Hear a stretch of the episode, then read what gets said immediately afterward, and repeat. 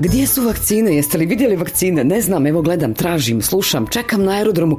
Želim da budem dio još jednog bosansko-hercegovačkog istorijskog trenutka. Ovo je istorijski trenutak za Univerzitetski klinički centar, za Republiku Srpsku, za Bosnu i Hercegovinu.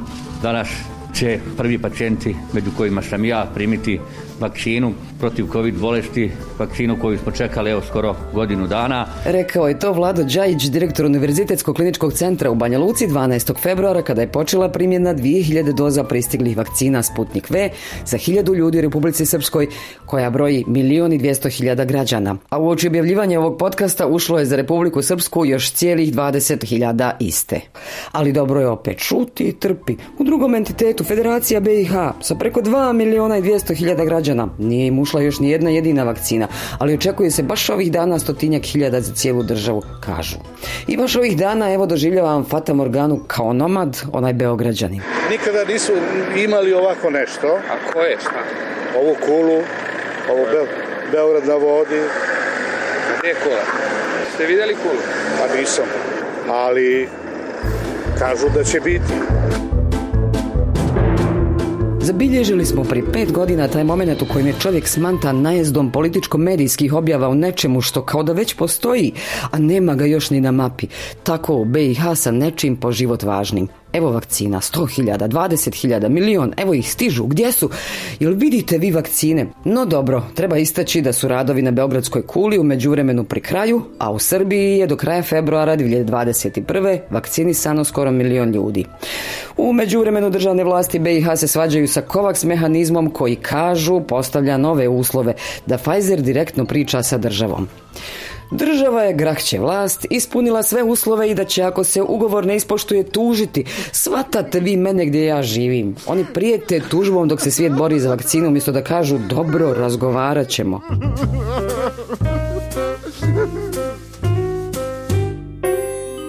Zakuhalo se, situacija se iz časa u čas ne mijenja, ali evo ako se u međuvremenu i promijeni nešto pa BiH dobije neke količinice, ja neću doći na red ni za godinu.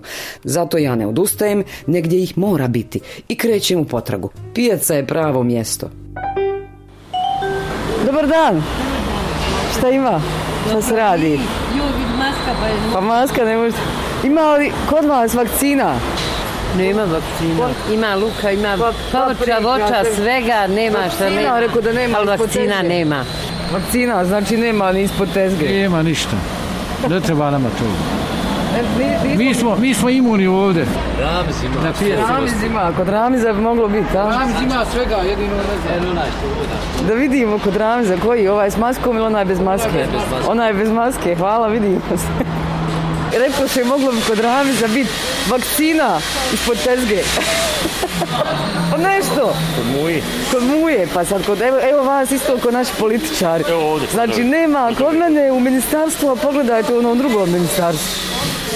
Ako nema kod Ramiza, ima kod muje. Kod vas ima li vakcina ispod tezge? Nema. Nema.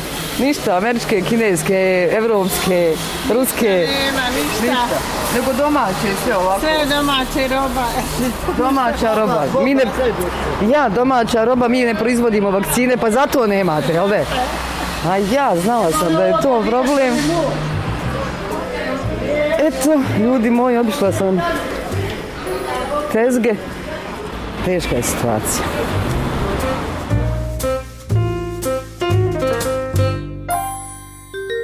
Međutim, evo dok sam hodala pijacom i razočarano stajala na semaforu, ne znajući kuda dalje u potragu, stiže mi obavijest sa Šatro Info da imaju dojavu o tome da stižu polovne vakcine. S lica mjesta odmah zovem urednika Harisa Dedovića.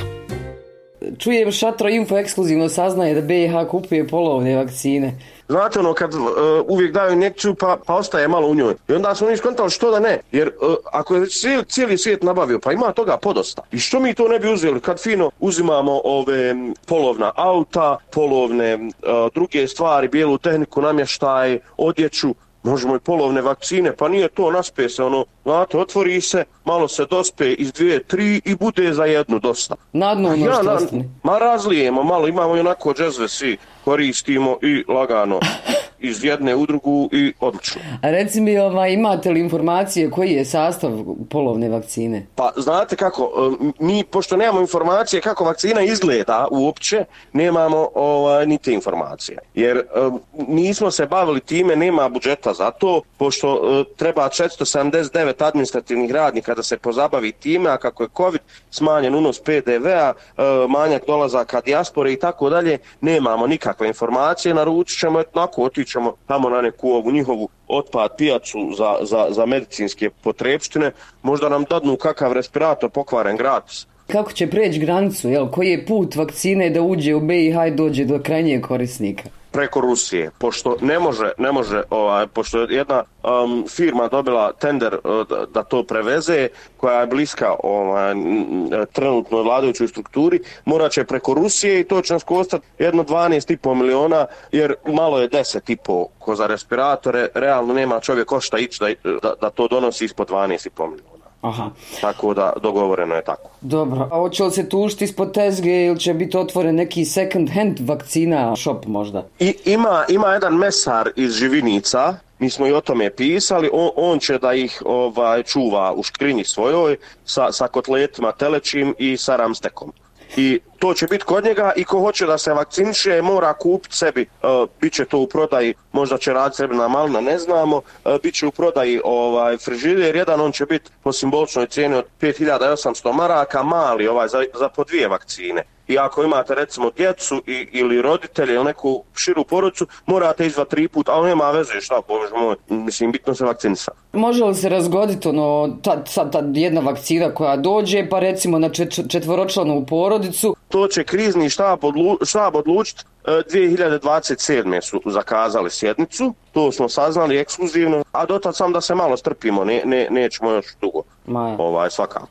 I onda kako ćemo, ko će davat vakcinu? Pa, ko stigne, mislim šta, pa nije to sad, ne treba praviti dramu oko stvari. Znači, kad mi možemo biti sami svoji selektori, uh, futbalski stručnjaci, politički, liječimo se limunom, uh, sodom, bikarbonom, što ne bi davali vakcinu, šta je to realno? To traje dvije minute. Objektivno, ima dosta i ljudi koji imaju iskustva s tim ovaj, da sami sebi daju vakcine već, pa bismo mogli možda konsultovati njih, ovo po haustorima budu oni, inače on, oni imaju recimo iskustvo. Tako da mogu i oni, a možemo i sami. Šta je to? Mislim, kad sve sami radimo, ni za šta nam ne treba majstor, stručnjak, ni autoritet, možemo i to. Šta fali? da ti kaže, skoro sva satira kojom su se bavili nad realnosti svojevremeno postala je stvarnost, malo me hvata strah oko ove. Nama obično kažu, um, jedan prijatelj mi je to govorio, kaže, uh, vas treba zatvoriti. Rekao, zašto? Pa dajete budalama ideje. I nakon potrage za vakcinama po pijaci i ekskluzivnih informacija koje sam dobila od urednika satiričnog web portala Šatro Info, Harisa Dedovića, naletim na ribarnicu i gle čuda. Ne znam, ja, ja u potrazi za vakcinama ovim protiv korone, pa sam sad na pijaci bila da vidim da nisu na pijacu stigle nema i rekao da nisu, da nisu ribarnici. Ima majku u ledu, mi to držimo. U ledu, pa ja bar. Pa u ledu mi to držimo, ali nećemo da prodajemo, pošto je sada... Minus 80. Manja je cijena sada. Manja je cijena, znači čekate da skoči. Čekamo sad ovo, Forte je rekao, epidemički mjere su već prekršene od strane građana i sad čekamo da uvidio novi zabre, onda ćemo i dati distribuciju. I onda kako ćemo s ribom, do, dođeš po ribu, Ništa, uzmeš ribu. ribarnicu. Po ribu ne treba, samo kažeš ti, ono moje. Ono moje. Daj ribu, ribu, ribu, daj ribu, ribu, ribu, ribu, ribu, daj. Država, vijeće ministara, ministarstvo vanjskih poslova, civilni poslova entitetske vlade, kantonalnih deset i zdravstvenih zavoda, plus Brčko distrikt, samo malo tamo tri, ovdje jedan, tamo deset, pa onda pamtim, ne, šta pamtim, ljepše dane možda, ministarstvo smiješnog hoda zamijenilo je ministarstvo besmisla, pa državna agencija za javne nabavke, agencija za lijekove, put vakcine popločan ludilom. Sve to takav džumbus, nemoguće je saznati ko je odgovoran u tom lancu, ko kome da se obrati i ako se zna koga briga što mu se obraća. Ne može i zdravo. Loptica s jedne nadležnosti na drugu leti hiljadu administrativnih kilometara na sat, a mi sjedimo u publici i hipnotisano pratimo. Ilustracije radi, samo da čujete kako to zvuči, kako se vrijeđa inteligencija građana u dijelu izjave od 24. februara ministrice vanjskih poslova Bosne i Hercegovine Bisere Turković. Dakle, ako postoji krivica, onda postoji na dobavljačima na onome koje je trebao da nam dostavi te vakcine. Tu je Covax naravno, ali tu je i Pfizer i mi vidimo da su tu procesi bili mnogo usporeniji nego što je bilo za očekivati. Možda smo se našli u jednoj situaciji u kojoj nismo bili dovoljno agresivni. Očigledno da su druge zemlje bile mnogo agresivnije. Međutim, isto tako stoji činjenica da poslije priče o respiratorima, bilo ko bi imao hrabrosti ili ne bi imao hrabrosti, bolje rečeno, da uđe u proces privatne nabavke i potpisivanja privatnih ugovora. Znate, Ne znamo i to je užasno što govorite. Preko leđa građana koji mogu da umru, a nisu ni morali. Dno dna svake etike čak i u svijetu kriminala. I nevjerovatno je to da je uvijek neko drugi kriv, pa kad su iscrpili međusobna prebacivanja loptica, prešli su na vanjske krivce. Uvijek žrtve, žrtve ovog sistema, žrtve onog sistema, a sad žrtve globalnog sistema. Naravno, greška je, ako se može govoriti o grešci, mi smo pristupili tome vrlo administrativno, vrlo profesionalno, ali ono što je odgovor, to je nedostajalo. Dakle, s naše strane, ponavljam još jedanput, apsolutno sve je učinjeno, sredstva su uplaćena, e, hladni lanac, postoji saglasnosti za do, do, dostavu vakcina postoje, na nama je samo da ih primimo i da konačno počne to vakcinisanje. Evo, sorry, opet Fata Morgana. Da, i samo da podsjetim kako se to sve skupa oteglo, pri mjesec i po odluku za direktnu nabavku donijeli su zajedno predsjedavajući vijeća ministara Zoran Tegeltija i entitetski premijeri Radovan Višković i Fadil Novalić. Pokrenut ćemo proceduru nabavke vakcine e, ruskih proizvođača i pokrenut proceduru nabavke e, vakcine koje dolaze iz Kine. da je i federacija spremna da određene količine ruske vakcine obezbijedi za svoje korisnike. Mi smo iz Republike Srpske već aplicirali 200.000 doza. Federacija je spremna znači, financijski platiti odmah u slobodnom aranžmanu kupovine preko države kupiti Pfizer i rusku i kinesku i bilo koji Johnson i Johnson i svaku drugu do koje mogodnemo dakle, doći zajednički. I zovem prijateljicu da mi da broj ovog potonjeg Novalića, kažem hoću da ga zovem za podcast i ljudski upitam jesu li im sve na broju, zašto smo do sada bez vakcina. Ona mi kaže šta će ti broj, nećeš ga dobiti, on je sutra na suđenju. Pa da, sjećate se aferi respiratori. 100 respiratora bez svrhe u koji su kupljeni i to po većim cijenama, više od 5 milijuna eura.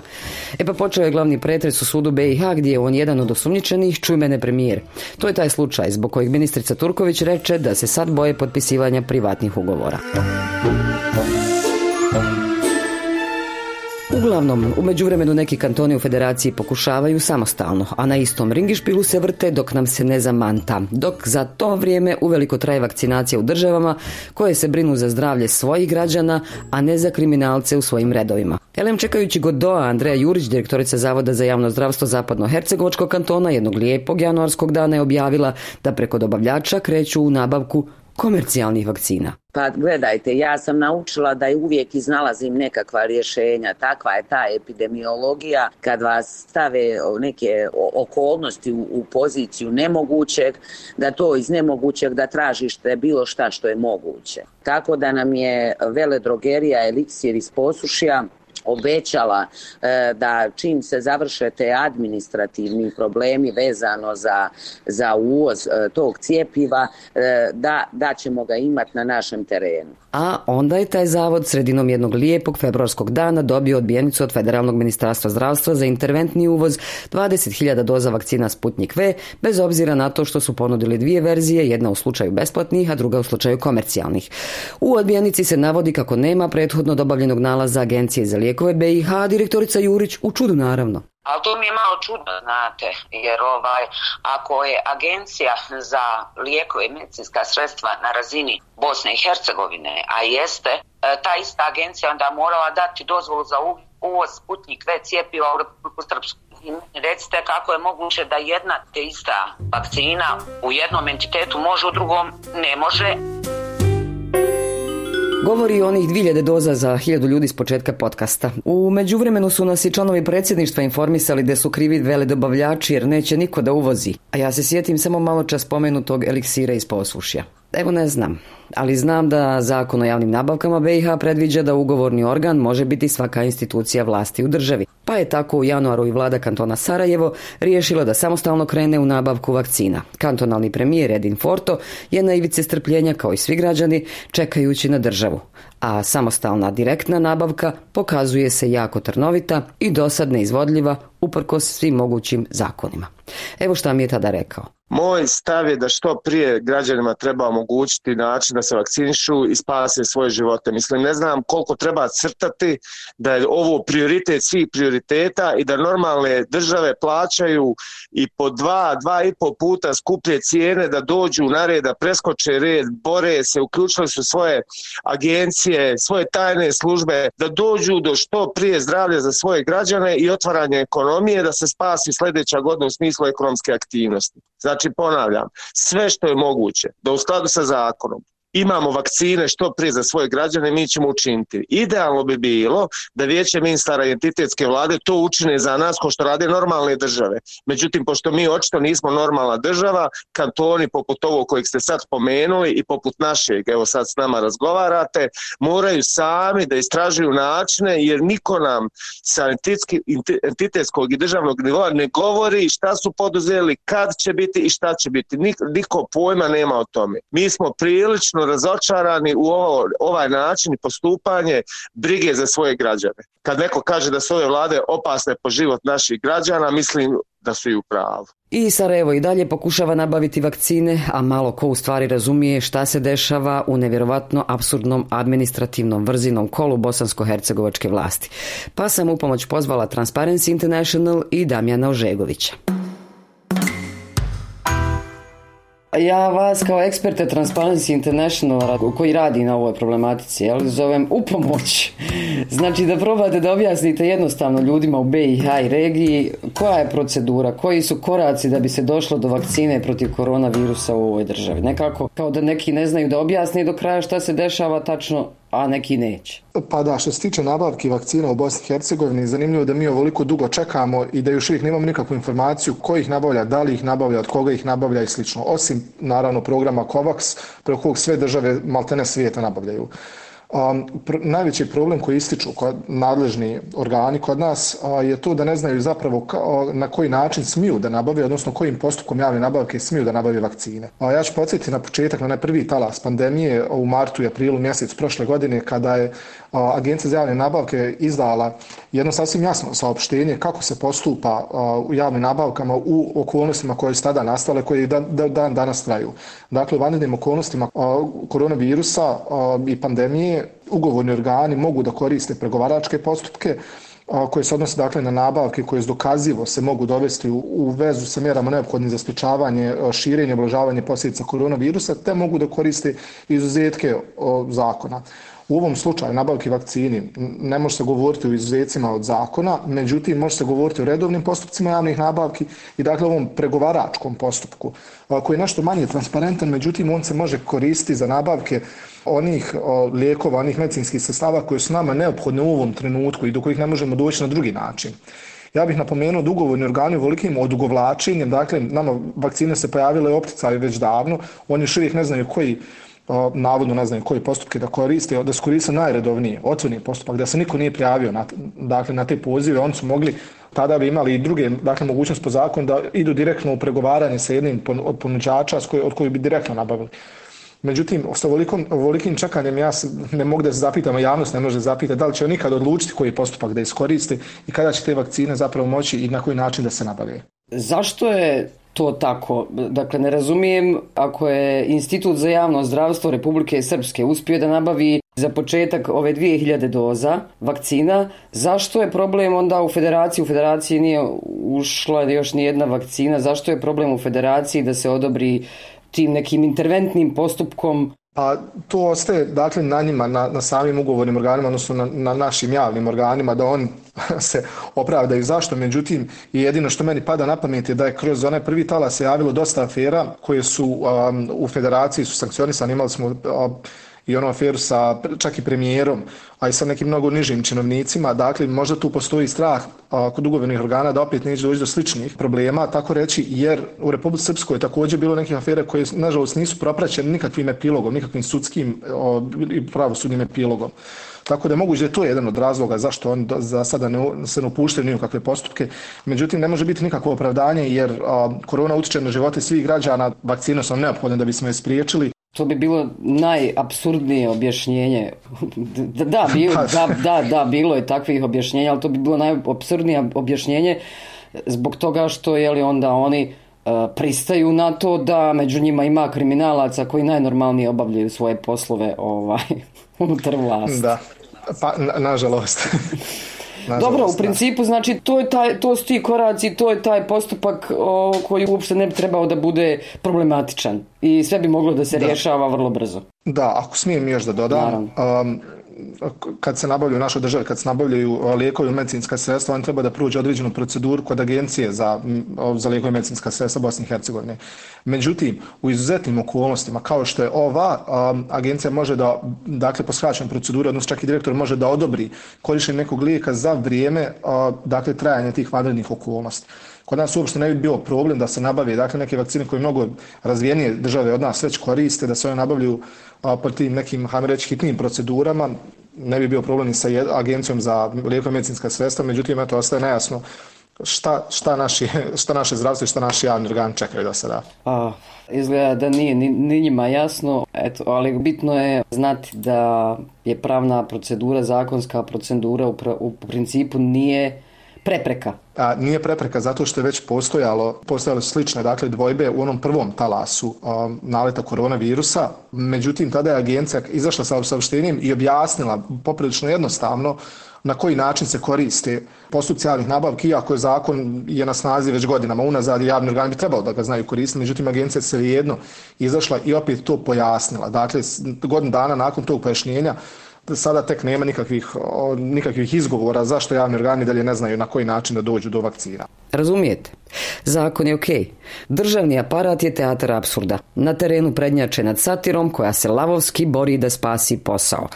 Kakav je pogled na BH sa strane? Šta se dešava u regiji? Gdje je Turska zakazala? Koje je dobro u svakom zlu? Za ZIP promišlja jedan od pokretača stand-up komedije u hrvatskoj regiji, a moglo bi se reći i stand-up tragikomedije. Ladies and gentlemen, Peđa Bajović. Evo, ne znam šta ti misliš, ovaj, mjesecima se države polomiše da dođu do vakcine, uh, u svakoj je ne, simultana akcija javnih i tajnih službi. Za to vrijeme u BiH državni aparat u hibernaciji. Barem meni tako će se čini. O, nije, nije, nije to hibernacija. Oni ovaj, ja, javno vrše tajne akcije. ili, ili tako, ja ne, ne znam. Znaš šta je, pazi, ne, pa ne možeš ti od, od Daytona na ovamo, ma mislim i od prije Daytona, od fenomena, svi će glasat za Antu Markovića na ovamo, ne možeš ti pohvatat više ni strukture, ni procese unutar silnih struktura u, u, u, u Bosni i Hercegovini. Tako da je ovo, mislim, ovo je samo još jedna od epizoda u kojoj se vidi da to, mislim da je to svašta ništa. A to ja hoću da vidim s tobom, evo sa strane, znači mi smo u loncu, jel, zatvoren, pa ono da. teško iznutra vidjeti, zapravo ta mreža koja je napravljena, ono kako se, kako se kako to izgleda sa strane. Dakle, e, sve države i u regiji, u svijetu uh, rade sve na tome da se nabavi vakcina, koriste se sve i mogu sva moguća sredstva ono da se dođe do vakcine. Pa sad neko uspjeva pomalo, neko teško, ali nebitno, vidi se pokušaj. Ovdje ima šta je Kovaks i oni su se uhvatili njega i ostalo, sad je tu ono, zid. Pa, pa dobro, ali mislim, a gledaj, evo recimo da krenemo ovaj, od, od, od uh, bosansko-hercegovačke uh, političke provincije zvane Hrvatska i, i Srbija. Uh, dakle, Hrvatska je članica Europske unije, ali ono čoša zadnje. Znaš, ono, dakle, zadnja je ušla, mala je i sad ovdašnje vlasti su bile super sretne kad, kad, kad je Europska unija rekla e mi ćemo za sad za, nabaviti za sve ostalo. Onda Hrvatska po, po starom dobrom opću, e onda mi ne moramo ništa. I potpisalo se sa tom jednom onom Oxfordskom, e Oxford, jel? I onda je u jednom trenutku to, kad su ovi veliki počapali tamo na relaciji Brisel, Berlin, ovaj, Pariz, ovi tu sjede i čekaju, nema sa tu, nemaš ti, ti si rekao, potpisao si, znaš, pa onda došla jedna kutija, pa se to slikalo. I, I, recimo u Hrvatskoj ti nemaš neku baš super situaciju. Ovaj, juče je ono kao breaking news. Prijelomna vijest bilo da kreće masovna, ovaj, a, masovno cijepljenje, ali u Zagrebu. Sa 16 tisuća cijepiva, što je ništa. Mislim, to je, kako bih rekao, to je zgrada u Wuhanu u Kini. Da. Ovaj, a, a opet s druge strane, recimo, imaš Srbiju koja je rekla daj šta daš, ajmo. Kanali su tu, znaš, može Europa, može Amerika, može, mi smo ko biva ono neutralni, sa svima smo mi dobri, evo Rusi, daj, Kinezi. Nema Turaka, to je problem. Nije, nije, nije Erdogan, nije se snašao, nije se snašao, uzo bi Vučić i od njega. Taman da zaokruži priču, a mislim da je to dio faktora ovaj, e, e, koji, koji doprinosi i situaciju u Bosni i Hercegovini, konkretno u tom jednom federalnom dijelu. Znaš, gdje ne, nema, malo, znaš, disbalans je, disbalans je. Rusi guraju svoje, Amerika i Europa, Zapad gura svoje, a fali ta treća komponenta. Nije mu, nije mu ostalo u amanetu, nije se... Nije, e, nije, e, to je, to je taj, znaš, a ko je tad mogao razmišljati, ono, et, ostavljam ti zemlju, pa ako bude pandemija da se molim te, nađi im se, tako da, mislim, koliko god banalno to zvučalo, mislim da, da ima nešto i u tom. U, u ovom trenutku u federacije nema ni jedne jedine vakcine. Ni Bosna i Hercegovina, mislim ovo što je ušlo u Republiku Srpsku, to je znači nekih da. 2000 doza, to je... Da, to nije ni za vrh SNSD-a dovoljno, a, a kamoli za razumiješ. Ovaj, dakle, kad posmatraš ti sa strane, e, kako ti vidiš funkcionisanje, taj komplikovani sistem da se, da se uopšte uveze vakcina? Pa gledaj, znaš šta je problem? Problem je što je ovo glo, globalno na stvar. Znaš, mi smo se do sad uvijek vadili, ma to tako samo kod nas, znaš, ono i sve. Ali ovo je sad globalni problem i globalni, vrlo ozbiljan problem koji recimo između ostalog rezultira time da čak ni Hercegovci ne uspijevaju nabaviti nešto. Dakle, onda svačaš li koliki je problem? Evo, kad ni zapadna Hercegovina ne, ne, ne uspijeva ubaciti nešto. Zato što nisu dobili dozvolu. Pa, ali džaba, dakle nije to, mislim, nemojmo se lagati koliko, za koliko stvari je do sad trebala dozvola, pa se i, i nije dobila, pa se obavilo. ovaj, čekaj, ali sad kad se vratimo na ovaj, na ovaj, kako bi rekao, tripartitni moment kod nas, dakle, ovamo je vakcina, ovamo je cjepivo, ima li neka treća ovaj, terminologija konstitutivna? Nema. Problem je to, problem je to čim, čim fali treća strana, treća noga, tre, naš, odmah nije dobro. Nikom. Ne fali, Tako ne fali. Da. Evo ima ovo, sa, ubacit ćemo negdje vakcina. Znaš, trije, trije, nije, nije Dayton džaba takav. Ja sad nekako, znaš, u toj nekoj, mislim, opet kažem, ovaj, e, e, vrlo amaterskoj i neizlječivo optimističkoj ovaj, analitici tih zbivanja, Znaš, uvijek hoću naći svako zlo za neko dobro. Konkretno recimo kad je, evo recimo Amerika u pitanju, da, da nije bilo ove pandemije, ima neki čudni osjećaj da bi onaj ostao na, na, na vlasti. A ovaj, tako da, da možda i tu kod nas recimo ovo malo protrese stvari pa, pa, pa možda se nešto, pa ne znam kako, ali eto nešto kontam, možda. Možda, ali shvatate li vi mene gdje ja živim? I ako su u ovom trenutku stigle neke količinice vakcina u BiH, bojim se da im ne istekne rok trajanja dok prođu sve administrativne procedure od aerodroma do prvog BiH ramena. O COVID pasošima ne smijem ni da mislim. Ovo je bio ZIP, podcast u kojem sam zavirila ispod površine pa upala u nebulozama i absurdima premreženu rupu bez dna jedva izvukla živu glavu, a sad odoh u zemunicu koju sam iskopala u svojoj bašti dok ne stigne moja doza. Ja sam Lila Omregić-Ćatić i slušajte me ponovo na slobodnaevropa.org.